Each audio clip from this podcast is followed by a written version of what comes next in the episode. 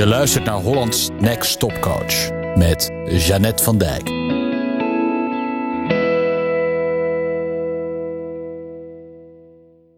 Een geweldig slotakkoord.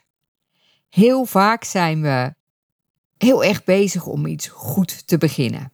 Logisch ook, want we kennen allemaal de uitdrukking: een goed begin is het halve werk. Het geldt eigenlijk voor heel veel dingen. Ook voor, bijvoorbeeld voor op vakantie gaan.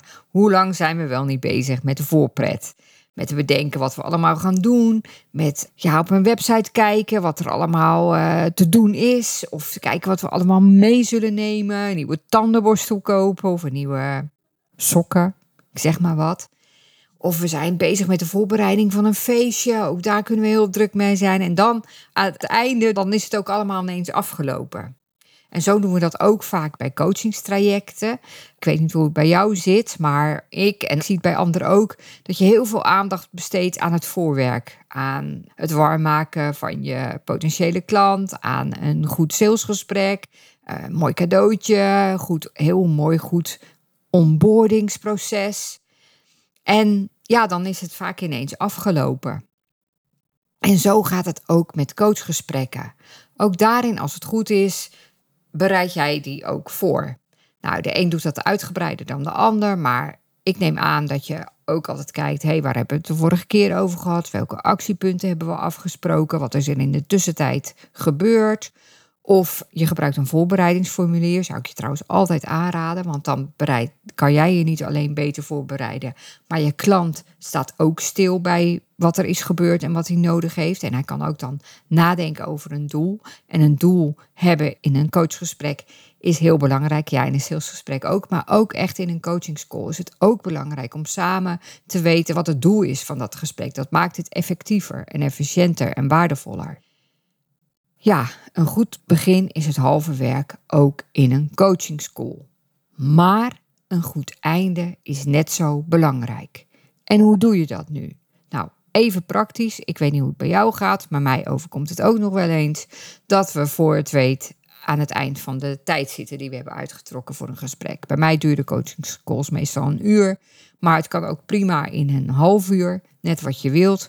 Maar ik uh, zou je aan willen raden om de tijd in de gaten te houden en ook genoeg tijd te nemen voor het einde van het gesprek.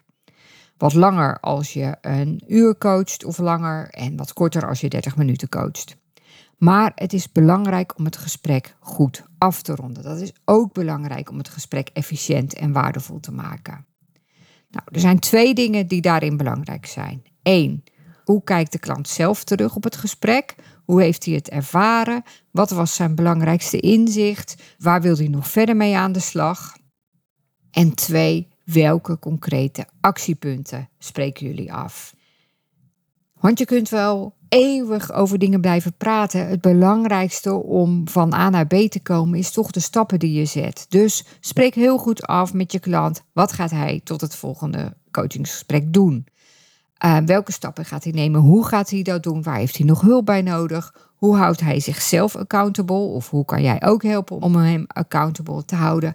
Maak de stappen zo concreet mogelijk. En als een grote stap te moeilijk voor hem is, spreek dan kleine stapjes af. Maar spreek het af. Spreek af welke actiepunten hij gaat doen. En doe dat zo concreet mogelijk. Dus voor een geweldig slotakkoord Vraag aan je klant hoe hij het gesprek heeft ervaren, wat belangrijk voor hem is geweest, wat hij er nog meer mee wil en spreek heel duidelijk de acties af voor de komende tijd.